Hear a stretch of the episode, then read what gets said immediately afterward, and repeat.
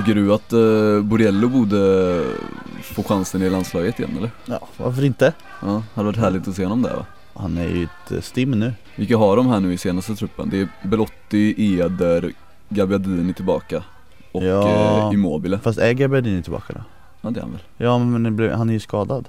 Jaha, blev han, eh, Det var ju därför Petagna har blivit inkallad. blev han inkallad istället för Gabbe alltså? Jo. Ja, okej. Ja, tråkigt då att eh, Gabbe inte får chansen att visa upp sig igen. Ja, nu när han eh, väl blev kallad till landslaget igen. Men också roligt med en eh, formstark Andrea Petagna i eh, landslagströjan. Form, är han så formstark? Men han har ju, varenda match jag ser med honom nu är, är han fenomenal.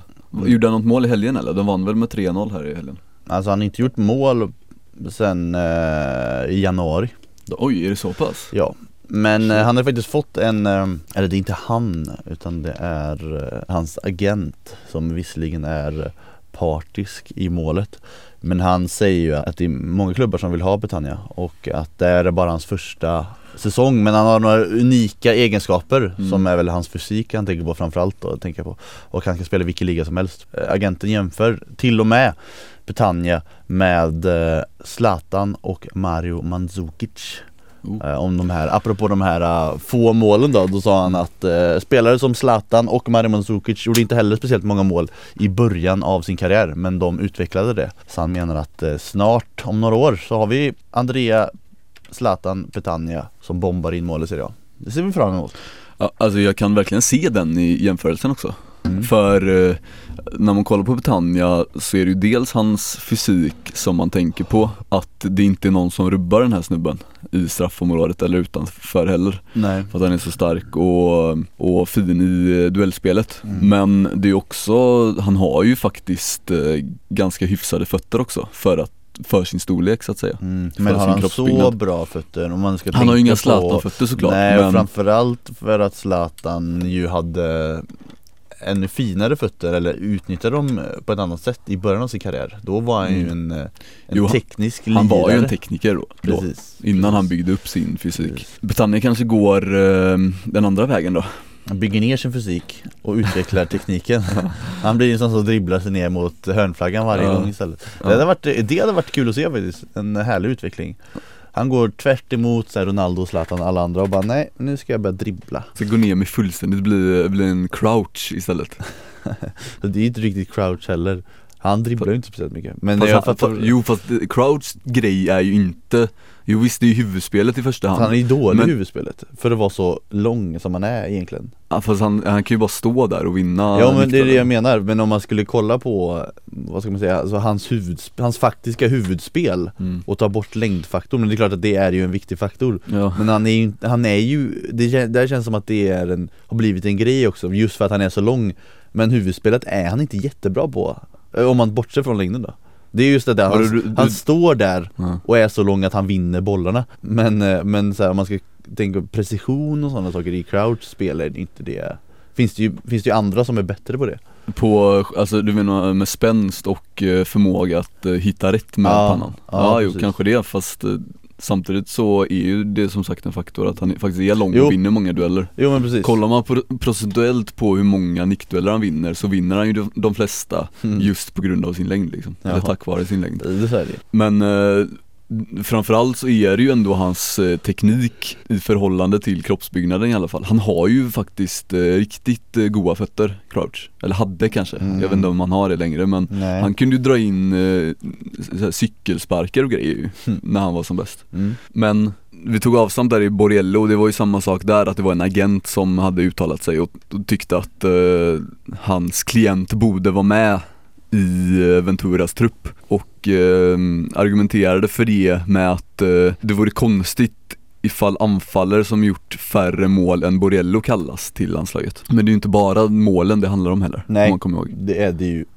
verkligen Men en, en sån som. Eder som fortfarande är med och är eh, någon sorts Ventura-favorit får man väl kalla honom. Ja, Han, det är ju inte bara målen som han är med för. Så är det ju. Fast i just Eders fall kan det kännas lite konstigt att han är med fortfarande. Ja fast det är ju en rollspelare, N- när du har namn som Belotti och Immobile med som Mm. faktiskt är sådana målskyttar och gör fler mål än Borello så eh, behövs det andra typer av anfallare också Jo, som kan fylla andra behov för eh, Ventura och landslaget. Det finns ju ingen mening med att vara, att ta med en eh, 30 plus Borriello i den här uh, truppen. Alltså varför skulle man göra det? Alltså ibland känns det som att de här uh, agenterna är så jävla Alltså jag fattar ju på något sätt att, att du måste försöka uppa din klient och så Fast du får ju ändå vara till rimliga gränser Eller? Men jag tror du att Borrello själv, eller han kanske är så uppblåst att han tycker att det är rimligt Men han på något sätt måste ändå inse att nej men okej Det är kanske inte så rimligt att jag blir uttagen Hade Borrello varit 22 år gammal, visst fine Släng med honom i truppen då, men han, hur gammal är han? 34?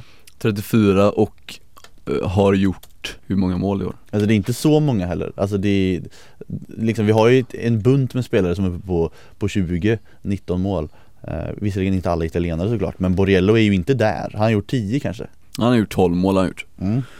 och det är, det är en bra skörd Ja, Men kollar du på skytteligatoppen så har du en, som sagt en Belotti och Immobile som har gjort bra många fler mål än så mm. Och eh, samtidigt andra anfallare som har intressanta kvaliteter som en Petagna till exempel då, som kallades in här och som en Eder som eh, är någon sorts eh, gnuggande anfallare eller vad ska man Mm. kalla honom?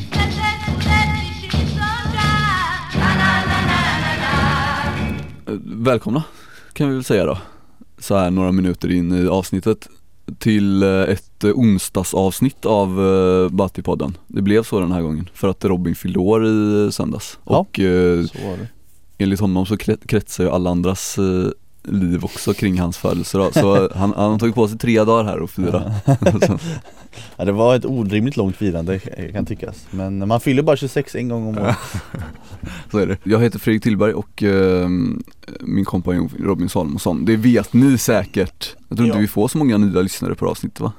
Man vet aldrig, man vet aldrig Precis. Vi började med eh, lite landslagssnack här. Vi kan väl fortsätta på det spåret då. Det, det är ju en landslagshelg vi har Mm. här framför oss. Har vi pratat om det här, den här grejen? Är du för landslagsuppehåll eller är du emot? Vi, det känns som att det där är en, ett ämne som rör upp känslor Vissa hatar ju landslagsuppehåll Onödvändigt ont Jag tycker att det är en eh, ganska tröttsam diskussion som måste uppstå varje gång det är landslagshelg. Alltså så ofta är det inte landslagshelg och Nej. så och mycket stör det inte heller. Så jag är mest trött på att eh, folk eh, måste eh, dra upp den bollen varje gång så som du gjorde nu. Att, Så det eh, finns, det finns de som hatar landslagsuppehåll Det finns de som älskar landslagsuppehåll Sen så finns det de som hatar diskussionen om landslagsuppehåll Och där är jag. Ja okej Var är du någonstans? Du hatar ju det.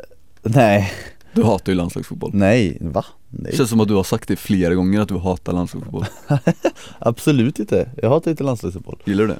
Jag gillar landslags, det är ju Sverige såklart. Det tycker jag är kul att kolla på.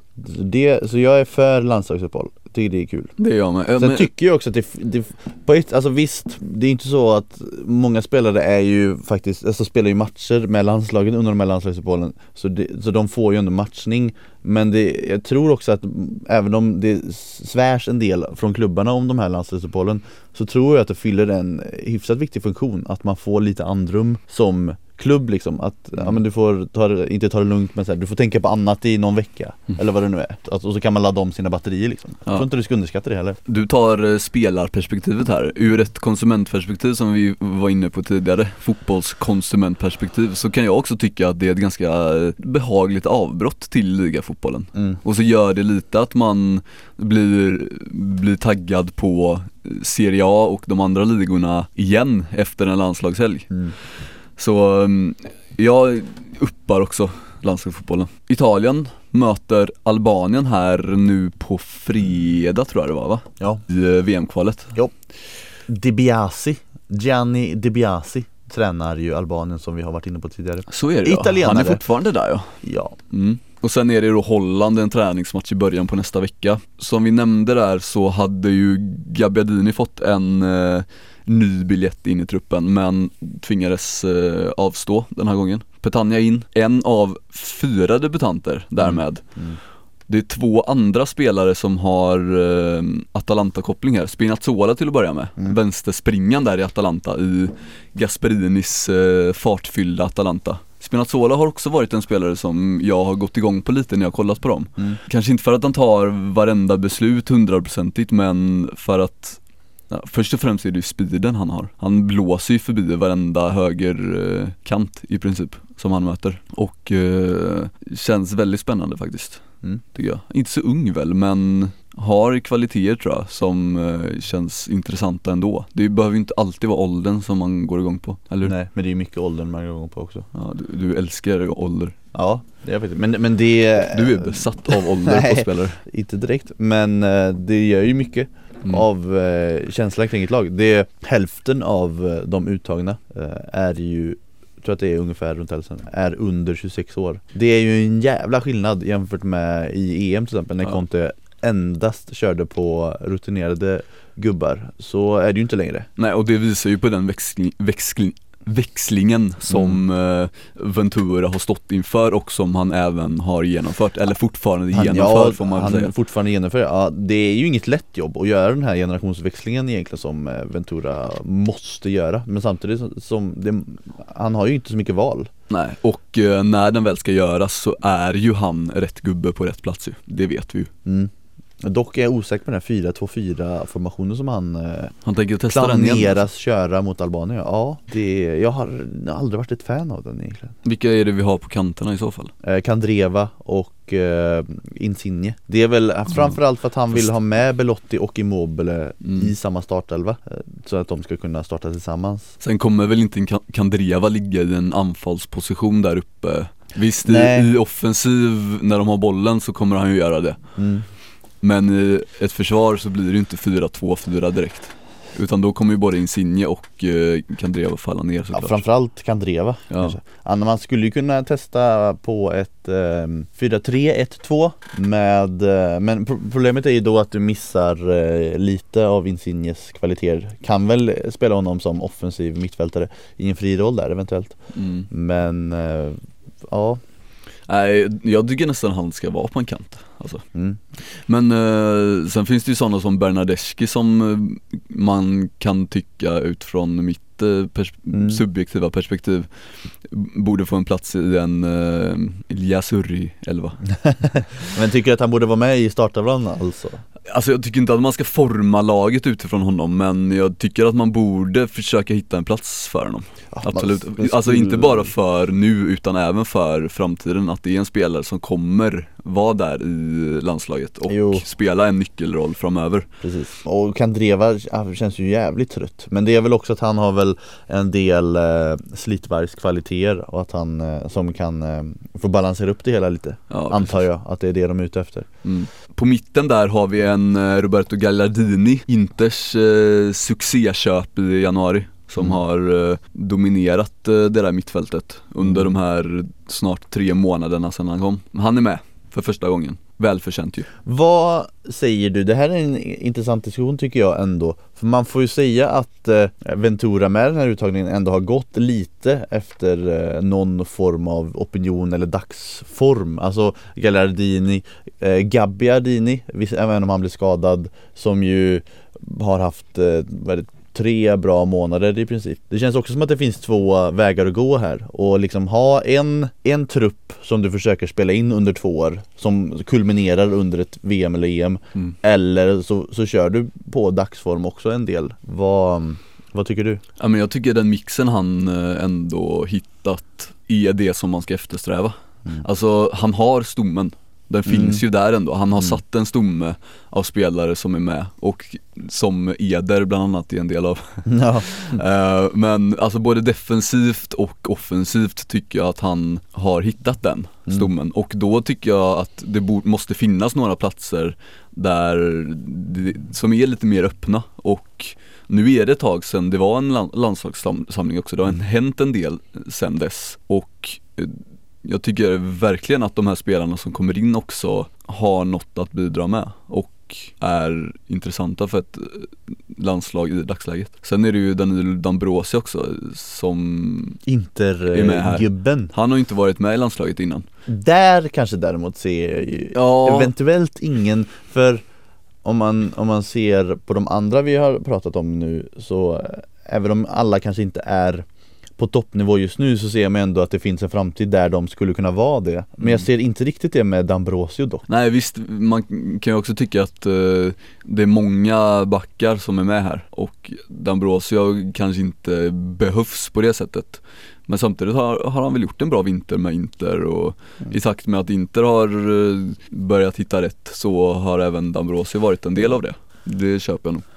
Men det är, visst är det många ytterbackar också? Alltså vilka har vi? Darmian, D'Ambrosio, De Chilio, Spinazzola och Zappacosta. Det är fem ytterbackar här. Mm. Sen kan väl ett par av dem också spela ett snäpp högre upp. Eller ifall man vill spela treback så är det ju Mm. bra att ha ytterspringare att välja på kanske också. Sen när man vet dessutom att eh, flera av de här eh, också kan eh, spela både höger och vänster och, i alla fall göra det helt okej liksom. Mm. Att då hade det kanske inte behövts fem, fem mittbackar.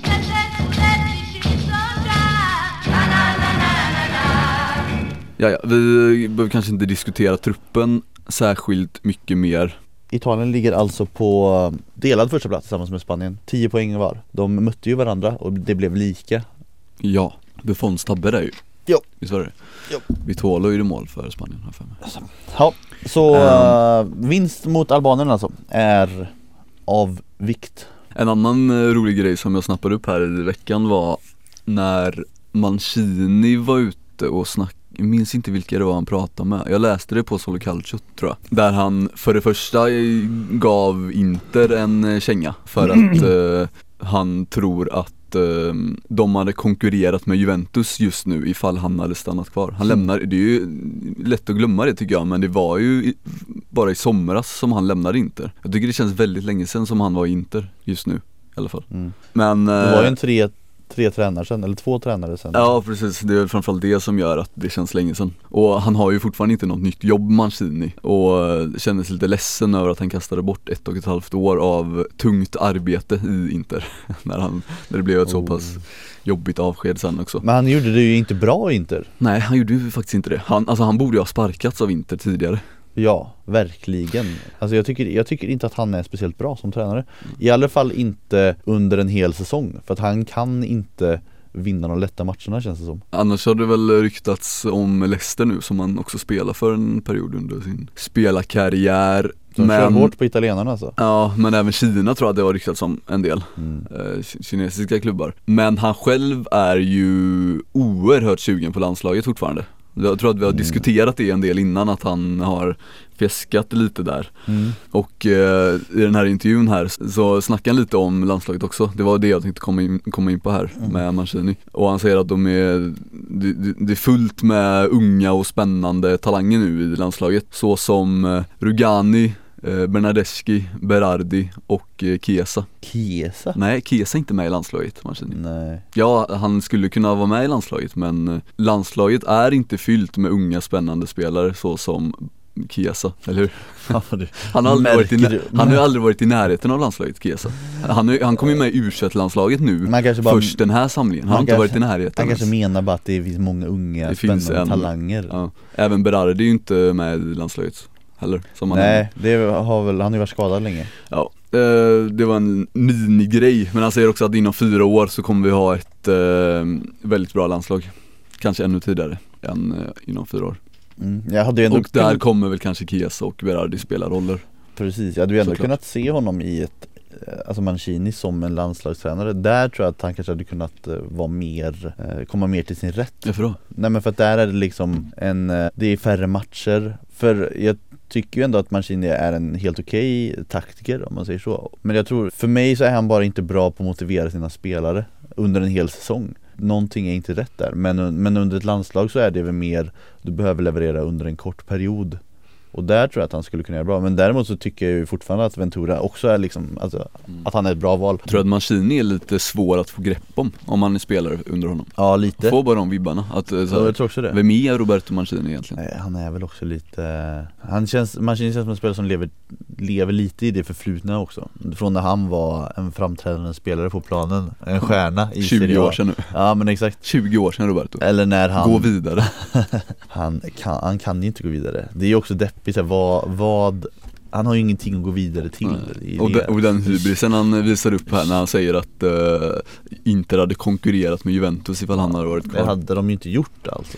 Och han, Men eh, en, eh, om vi ändå snackar lite Juventus, jag har en grej här. Det här är också bara en parentes Men det som är så jävla typiskt engelskt på något sätt Det är alltså David James Den gamle keepern, Englandskeepern Som har gått ut och sagt Typiskt exempel på hur engelsmän ofta bara är, lever i helt skilda universum. Han har alltså sagt till Hart, eh, eller inte till Hart men om Hart i pressen då, som ju är i Torino nu. Joe Hart alltså. Ja, Joe Hart på lån. Och då sa han så här, ja Torino är ett svårt lag att spela i På grund av att de släpper in ganska mycket mål och sådär Men om jag, om jag vore honom så skulle jag kolla på Juventus. Jag tycker att han borde gå till Juventus. Det här, alltså, Hart skulle aldrig platsa i Juventus. Han är inte alls så bra målis som Men David- de tycker, David James tycker det är liksom att Att Hart kan Ja men han kan gå till Juventus om han bara hade velat Han kan det. välja och vraka bland Ja, klubbarna precis. här. Precis, ah, ja, nej men jag går väl till Juventus då. Där tycker jag att jag hör hemma. Det är klart att de vill ha mig Nu får man ju också säga att det här är ju faktiskt inte Joe Harts egna ord utan det är David James Men det här känns så typiskt engelskt att de, ja men deras första målvakt som han ju är att han, att de överskattar honom som fan och tror att han kan gå till Juventus hur som helst Och att han faktiskt skulle platsa där. Ehm, i- Inget ont om Joe Hart, han är en helt okej keeper det- Men han är ju inte Buffon-nivå Eller ja, Neuer eller vem, vem det nu är som är toppmålvakt Eller vad man nu tycker är bäst i världen nu för tiden. Där är han ju inte. Alltså om eh, Juventus här när Buffon väl eh, placerar de där handskarna på eh, någon sorts hylla Mm.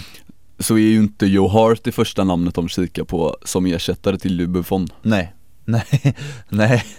De, de, han är ju det sista namnet de kollar på. Ja.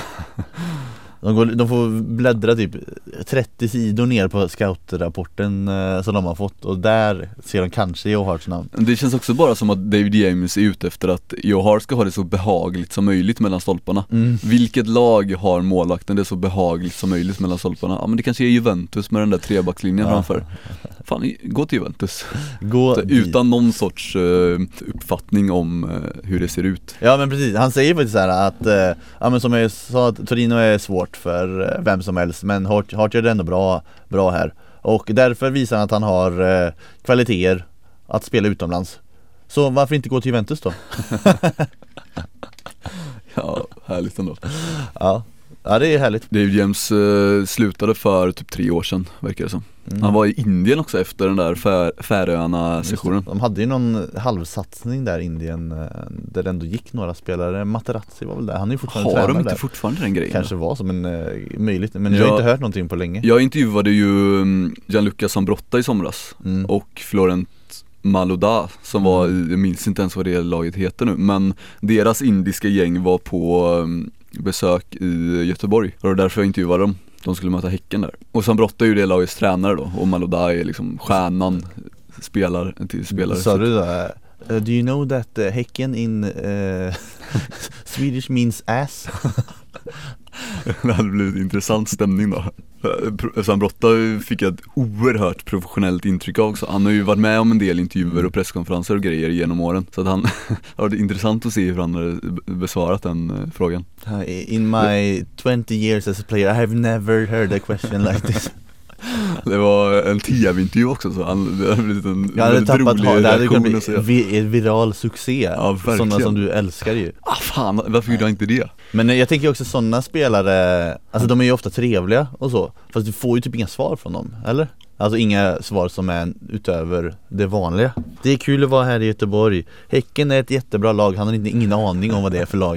Nej, Nej men eh, alltså jag var ju mest intresserad av vad det är för liv han lever nu Mm. egentligen och vad de har att komma med där nere i Indien. Ja, Materazzi är ju även i Indien eh, Mm. som tränare det, det är ju intressant att kolla på det om man, om man ser liksom att eh, Materazzi och Zambrotta är ju stora namn i Italien Att de borde ha möjligheter att eh, skaffa sig ett bra gig även i hemlandet Men att de ändå kämpar på i, i Indien, eller kämpar på, det är säkert ett jättebehagligt liv men om man ska nu ska försöka göra någon form av fotbollstränarkarriär eh, eller någonting så känns ju inte det som det rätta steget att ta Nej, men eh, samtidigt kan det vara en er- erfarenhet Jo. som kan vara intressant att ha med sig innan man kliver upp på eh, lite högre stolar i Mm. Europa. Sen eh, tror jag inte man ska underskatta den eh, lönechecken han eh, ändå hovar in där borta. Delhi Dynamos heter Sambrotta och Malodas gäng. Skönt namn i alla fall undrar hur det har gått för dem i år? Det kan vi kanske återkomma till, jag orkar inte kolla upp det nu.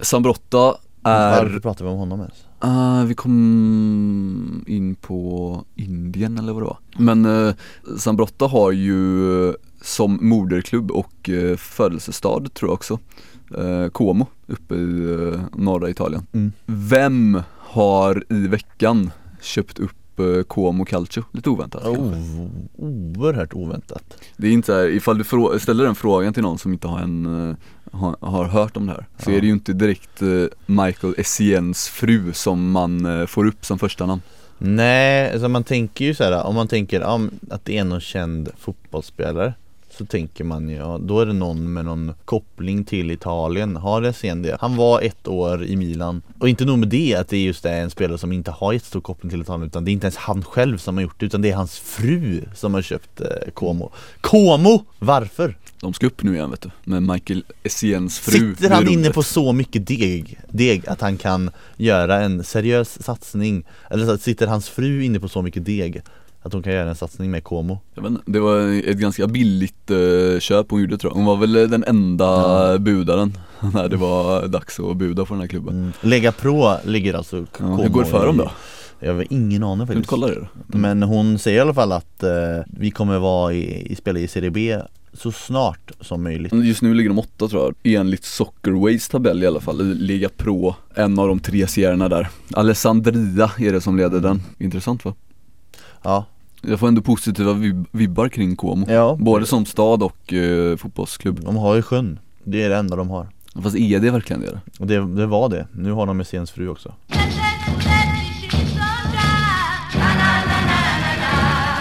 Om vi uppehåller oss bland de eh, lägre serierna igen.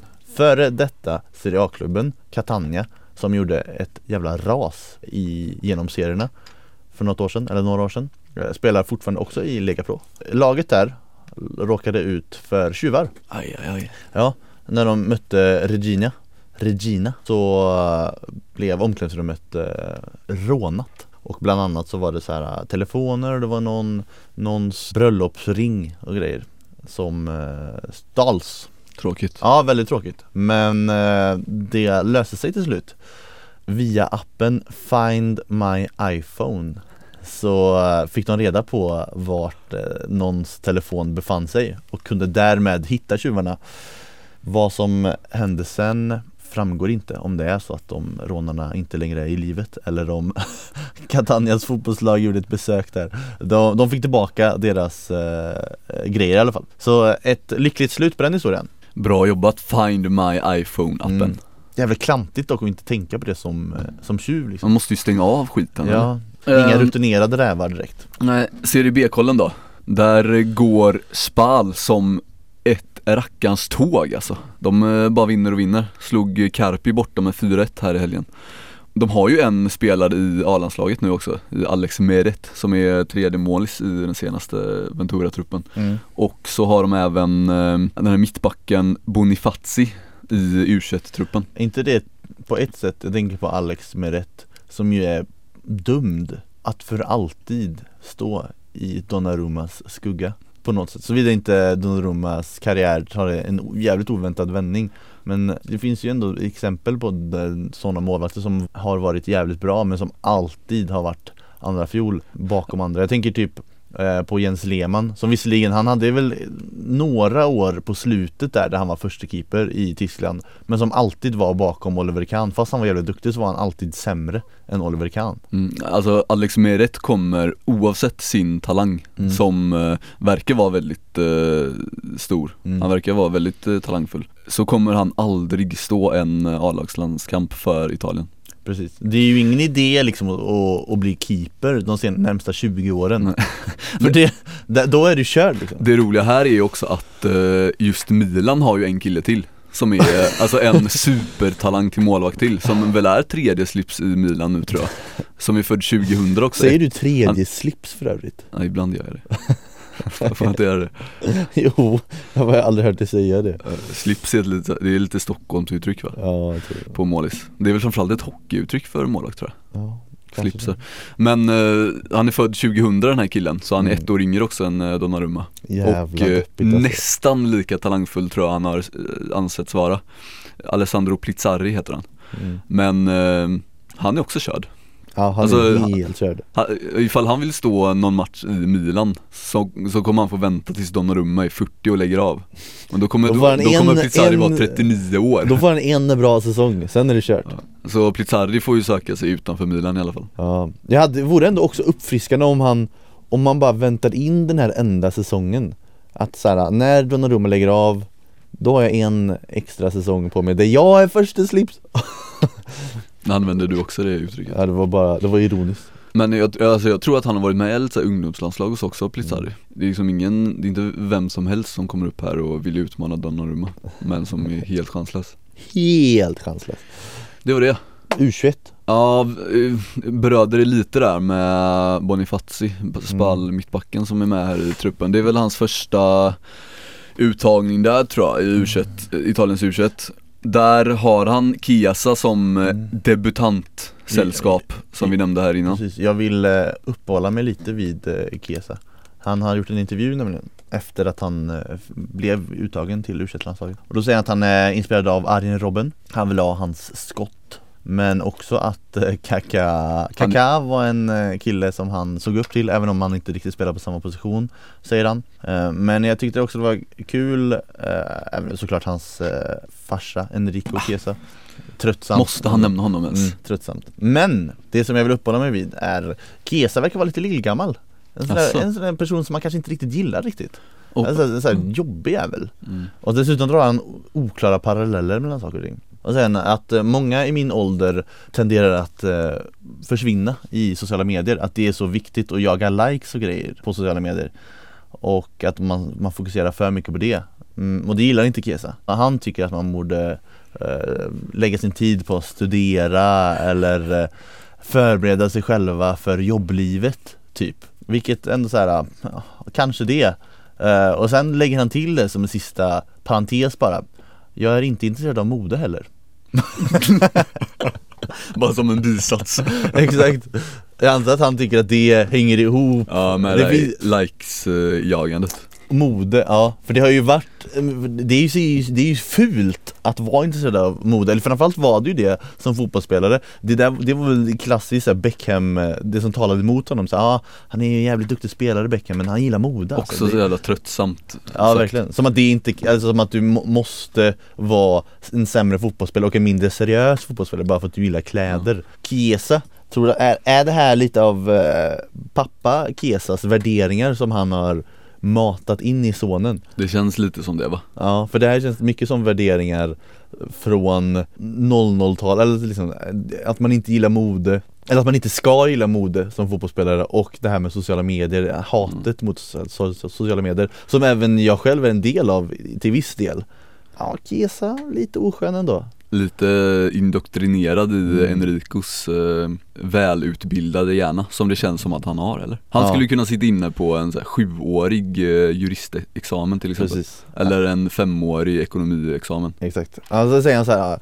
jag eh, talar ganska bra engelska och franska för att eh, mina föräldrar ville att jag skulle eh, lära mig olika språk så att jag kunde åka och studera utomlands. Håll käften bara. Håll käften.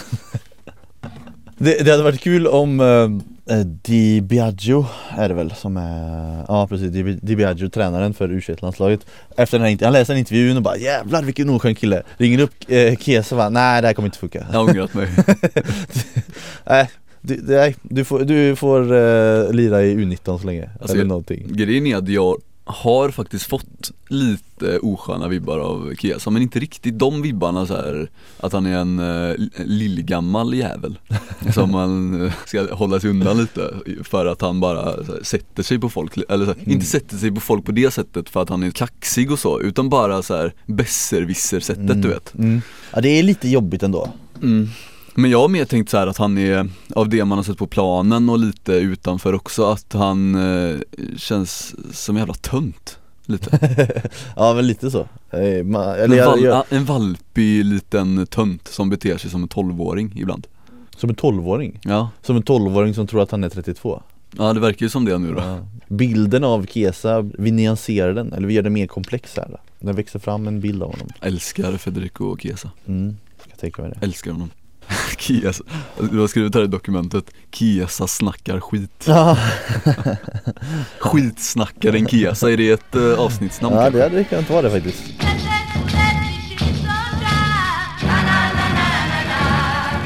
Har Milan blivit eh, uppköpt än? Nej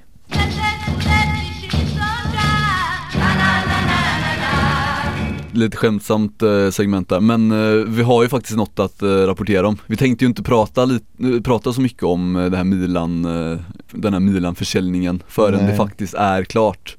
Men nu går vi ifrån det till och med Ja men jag tycker att det är värt att nämna att Mino Raiola ändå rasar mot de här kinesiska investerarna. Den här, vad het- heter de nu då? Sino Europe Group eller vad de heter? Sino Europe Sports. De här, den här gruppen av kinesiska Han är lika arg på Sino Europe eh, Group som han är på Sportexpressen för att de ringde och störde honom på deadline day Riktigt rolig intervju. Han, annars är ju standardfrågan med Raiola numera, så är ju det Donnarummas framtid. Ja, Varenda intervju han gör så får han den frågan om Donnarummas framtid. Fan jag vill att Donnarumma ska stanna i Milan resten av karriären. det vore fint Hoppas verkligen han gör det. ja, för, ja, Men eh, så länge den här ägarsituationen är som den är så, så säger Raiola att eh, någon, något nytt kontrakt är det inte tal om förrän eh, den här ägarsituationen är i hamn. Hur ser det ut nu då? Det är rörigt värre alltså. Som det det har har varit varit nu i år. några år. nej inte några år jo kanske fast det känns som det.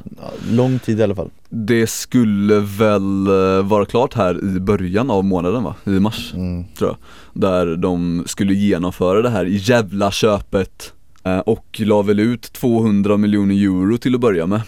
Och så skulle de betala den resterande delen vid något datum. Men några pengar trillade inte in på Fininvests konto som äger Milan. Det lite pengar till väl in eller? Ja förutom de 200 miljoner Ja. eurona som de har betalat så, så har det inte trillat in något mer. Nej Då fick eh, kineserna en förseningsavgift på eh, 100 lätta miljoner euro. Om det nu blir så att de inte, vilket det ser ut som att det skiter sig Så har de ändå betalat in 200 miljoner euro Och det är ju Fininvests pengar nu. Precis, det, så de har alltså slängt 200 miljoner euro i sjön att man ändå kan, visst det, jag antar att det, det var inte tanken att de skulle slänga 200 miljoner euro i sjön Men de har ju ändå gjort det och jag hade också velat kunna slänga 200 miljoner euro i sjön Fininvest har gett uh, den här kinesiska investeringsgruppen tills helgen.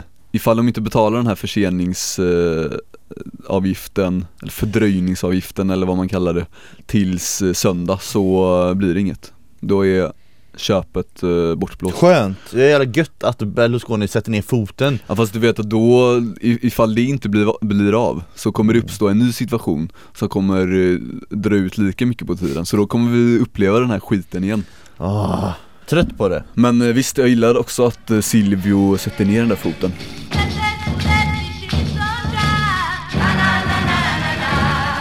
Om vi snackar eh, fötter som sätts ner så kan vi gå in på eh, Balotellis sits som han har varit i här i veckan. Han gjorde en intervju med RMC Sport tror jag det var, den här franska. mm. Om det är en radiokanal eller om det är en sajt, jag har aldrig fått grepp om vad det är egentligen men RMC Sport i alla fall där. En av Frankrikes eh, främsta sportmedier och kring eh, fotbollen. Där han eh, dels pratade väldigt mycket om, eh, vad ska man kalla det? Ja, moraliska frågor och rasismproblem som finns. Men det var inte det som fick eh, snurr sen i medierna och i sociala medier. Utan det som fick snurr var att han nämnde Cavani och sa att eh, Cavani inte är en världsklasspelare. Det var det som blev rubriker i hela världen i princip tror jag. I alla fall i Europa. Även i Sverige läste jag tror det var Sportbladet i alla fall och Expressen som mm.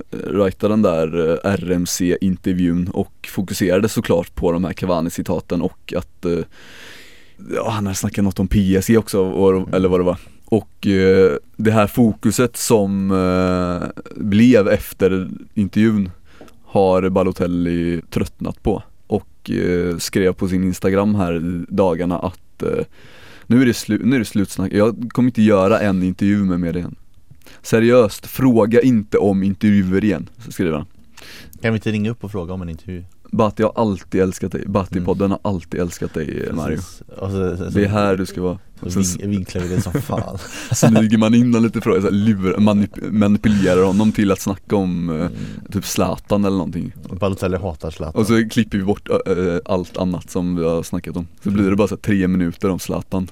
Nej men eh, jag kan verkligen förstå honom, jag tycker att det är ett ganska, eh, en ganska viktig fråga till och med att eh, lyfta i dagens eh, både medieklimat och eh, samhällsklimat i stort egentligen. Trots att eh, han lyfter en sån här viktig fråga och det verkar som att det ändå var en huvudsaklig del av intervjun. Han pratar mycket om sin bakgrund och om rasism och sådär. mm. Och om yngre spelare också och men, verkligen intressanta saker att läsa om. Mm. Men idag så är ju inte det grejer som blir rubriker och som blir rights i andra medier och som blir eh, uppmärksammade i sociala medier och sånt där. Nej, Utan det är ju de här, eh, ja, men när man, om man slänger in en liten pik mot någon, någon annan spelare, det måste man ju akta sig för idag. För Mm. det blir ju en jävla snurr på. Mm. Det kan man ju inte göra idag. Ifall man också vill att eh, andra frågor ska få uppmärksamhet, så som Mario vill i det här läget. Nej precis, man måste ju som spelare har de väl lärt sig att eh, säga absolut minsta möjliga om just den typen av grejer i alla fall Och det är ju så jävla trist bara Ja, egentligen. absolut. Och Jag håller med. Det är tråkigt att det ska behöva vara så. Men förstår ju också Mario att han, Balotelli, att han blir eh, arg över den här vinklade intervjun då. Ja, och sen han skriver ju här också i där, den här instagram-posten eh, att eh, Cavani är en fantastisk spelare. Det är så här, han, han tycker inte att Cavani är en dålig spelare. Och han skriver I respect him as a topscorer. Men så skriver han också att i Frankrike så är det bara Di Maria och Falcao som har den där fenomenala touchen. Mm. Vi såg ju ett liknande exempel eh, bara någon vecka sedan i Sverige med Anders Svensson och Zlatan Sen vet jag inte om Det Anders Svensson eh, pratade om rasism och sin kärlek till Italien och Ghana Jag tror inte att han pratade om, men Mm. ändå, han pratade väl om sin karriär eh, i stort tror jag Mm. Och så sa han eh, bland annat att Zlatan, eh, Zlatan kan vara en idiot ibland. Och det var ju det enda som blev rubriker på. Vilket även fick eh, Anders Svensson att bli väldigt sur Ja, för, och backa från det här uttalandet. Ja. För läser man fler citat från den intervjun så finns det Mm. jättemånga intressanta grejer som han pratar om där. Men samtidigt så, man förstår ju också så som branschen har blivit Mm. och digitaliseringen och allt det som har hänt. Jo exakt. Att eh, det är de här kontroverserna, de kontroversiella citaten som eh, lockar in läsare och som ger medieföretagen pengar. Och då är det så här, då, då maximerar de den möjligheten. Mm. och eh, skiter lite i eh, det som faktiskt är det mest intressanta Enligt mig i alla fall. Exakt. Ja det är trist. Så jag förstår båda sidor men backar Mario fullt ut här? Jag med. Eh, Backar du Radja då? 100% backar jag Radja Det finns ju flera spelare som har, eh, som har råkat ut för de här små problemen eller vad man ska kalla det tidigare. Som Jack Wilshere vet jag har det varit mycket snack och han har liksom fångats på bild tusen gånger med cigg i näven Di Natale Det var, Ja, i och för sig kanske inga kontroverser kring honom men Mm. han är ju en känd rökare Ja. Eller var Berbatov har ju, han, han bryr sig ju ingenting Nej Så han, han, han skulle kunna ta en cigg i spelartunneln på väg ut till match liksom och Mm. bryr sig inte om att folk eh, rasar Nej Radja har hamnat i den här sitsen nu, vad är det som har hänt då? Du kan väl dra den? Nej men han, eh, Raja röker Eh, Vilket har orsakat Vad är det som har hänt? en del, men, eh, eh, Radja röker. en del problem för honom För att eh, han inte fick vara med i Belgiens tränare Roberto Martinez eh, trupp. Det var ju Eh, man kan höstas, tyck- tror jag, Ja, kan han- tycka att han borde vara given där. Det har väl å andra sidan inte varit den officiella anledningen till att han röker men det sägs väl att det är en del av anledningen vilket är, är i så fall jävligt märkligt. Och Ja. eh, framförallt med, med Radjas form som han har varit i och att då inte bli uttagen är ju är riktigt sjukt. För jag vet att innan EM så var det ju inte självklart, eller det var ju självklart att han skulle vara med i truppen men det, han- det var inte självklart att han skulle vara med i Belgiens landslagselva Men sen gjorde han ju jävligt fint EM plus fortsatte liksom på det inslagna spåret i Roma Så och, han har ju varit helt magiskt bra liksom hela den här säsongen nästan Ehm, Och att då peta honom på grund av det här ehm, Det känns. Men nu är han med i alla fall, Ja, igen, till slut! Till de här matcherna. Mm. Och han säger ju i en, det var en intervju i belgisk media tror jag, att han eh, han är en person som säger vad han tycker och eh, han har aldrig gjort den besvikelsen som han eh, hade gentemot Roberto Martin- Martinez. Det, liksom, det var aldrig någon hemlighet att han var besviken över det. Mm. Han säger också att han inte skäms för sin rökning. Det är så här.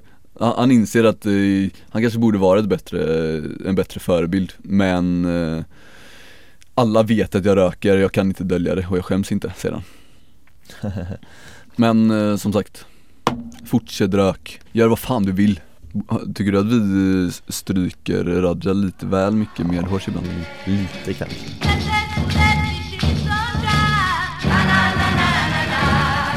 Vad är det för tröjstöld som har rört upp massa känslor? Tröjstölden i Udine Där um, islänningen Emil Hallfredsson Mm. Som eh, alltid när någon eh, svensk media skriver om honom nämner att han har en bakgrund i Malmö FF Men uh, mittfältaren där i Udinese, tror det var efter eh, matchen här i, kanske var förra helgen då? Eller om det var nu i helgen, ja skitsamma. Han slängde upp sin tröja till en grabb på läktaren, en tioårig grabb på Udinese-läktaren Men vad han inte såg var att det var någon snubbe som uh, ryckte den här tröjan ur näven på tioåringen. Claimar den, rakt av. Jävla fult! Så jag såg Så faktiskt den bara någon eh, psykopater som håller på sådär, jag såg någon, någon klipp på youtube eller någonting. Det var visserligen baseball då, tror jag det var. Men då var Ja, men jag också någon som hade slagit upp en eh, boll Mm. mot läktaren. Och så stod det liksom en liten unge där och bara skulle så här. Och det roliga var också att den här ungen eh, Fångade den liksom först. Ja. och sen så kom en, en här, äldre kvinna och bara nöt Ja. den fort som fan. Och så firade det- hon, så hon var svinglad, så här, dansade typ. Och alla såg så vad, vad, fan? Men det- där, ska det ju, där måste det uppstå ramaskri runt omkring. Ja det var det som inte gjorde det, jag tror ingen Det är såg det som är märkligt. Ja, det, ingen såg nog det förutom liksom efteråt Och den här Och ungen blir ju så för chockad, de säger ingenting, de bara står där. Vad, vad hände? Okej, men fortsätt Ja men den här, eh, tio, det här tioåriga Udinese-fanet blev ganska ledsen då. Såklart och berättade om det här för sin eh, lärare som eh, skrev ut en grej i sociala medier tror jag på Facebook. Mm. som eh, det blev en rackarns eh, spridning på. Udinese-lägret snappade såklart upp det där. Mm. och eh, lovade att tioåringen nu ska, han ska få komma dit på besök En dags eh, besök i eh, Udinese-campet. Och så ska han få en, eh, ska han få sin Halvfredsson-tröja till slut. Ja, Det där gillar man ju ändå. Mm. Fint gjort av dem. Men det är klart att de måste utnyttja det. Kan Det är ju det är ju perfekt PR för dem. Man kan ju ifrågasätta den här ungen dock om det verkligen var, om det kanske var stageat för att han skulle få en, han vet ju definitivt att han kommer få en extra dag där Du tror att han har så här, han är så pass beräknande Ja. Så att han, eh, hmm, fan, jag har aldrig varit med om att få en Udinese-tröja Det har varit härligt att besöka dem en dag Ja.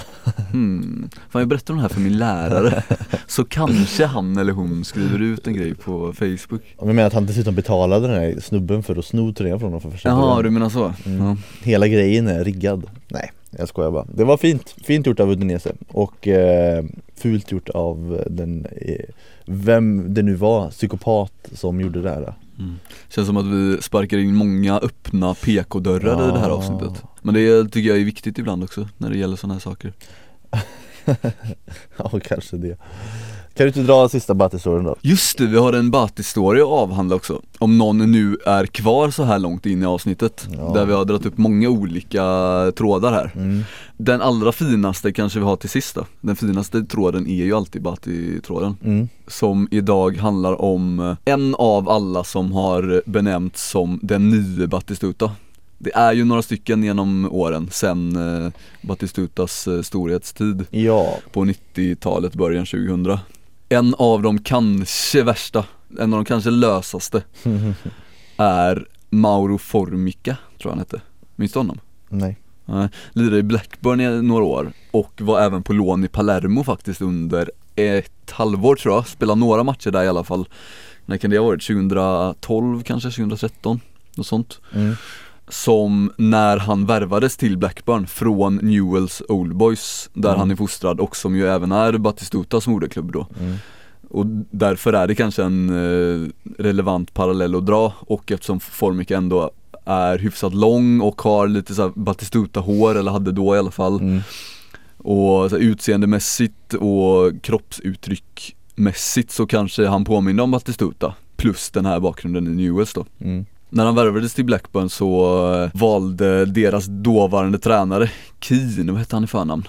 Han heter Steve Keen och de var då i Premier League Blackburn när Mm. de värvade Formica från Newells och när han försökte förklara vad det är för typ av spelare de har värvat så drog han direkt upp eh, den här liknelsen med Batistuta att eh, han har jämförts med Batistuta och jag tror också att han har den potentialen, eller att han har den eh, grejen i sig så att säga. Mm. Vad hände med Mauro Formica då? Kan man då fråga sig.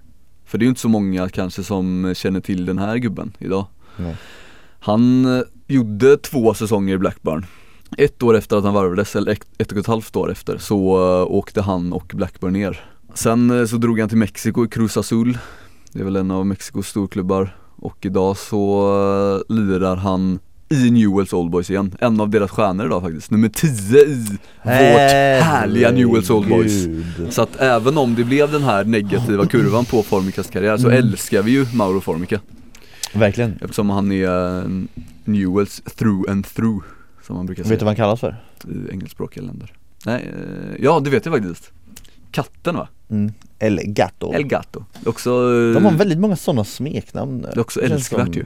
På, ja, spanska liksom. Ja, ja, det- för fotbollsspelare, det är ingen i Sverige som kallas för katten. Det, Alltså det enda, det, det som dyker upp först vad gäller smeknamn här i Sverige Är ju Micke Svenssons Mördan som han kallades. Ja men, HBK-Micke ja fast han kallas för Mickey Killer sen så det Ja men alltså, var- ja, ja det var ju så. Ja, men, men om man översätter Ah, det till okej. svenska så Mm. blev det ju Mördan Precis, precis. Det är dåligt med andra smeknamn dock Känns som, eller den typen av smeknamn i alla fall. Katten eller eh, Batistuta kallas ju för, vad kallas han för? El Angel. Jag gillar ju katten mer. Eller egentligen El Angel Gabriel, Ängeln Gabriel. Ja. Gillar du katten mer än ängeln Gabriel? Det känns ju sjukt. Katten är ju, det är ju också bara ett mycket sämre, precis som stackars Formicas karriär Som blev helt okej men inte som en Bati-karriär Så har jag ju inte smeknamnen för att ha en Bati-karriär ens. Katten jämfört med ängeln Gabriel. Ehm, Hörs igen om eh, knappt en vecka hoppas vi. Ja. Ehm,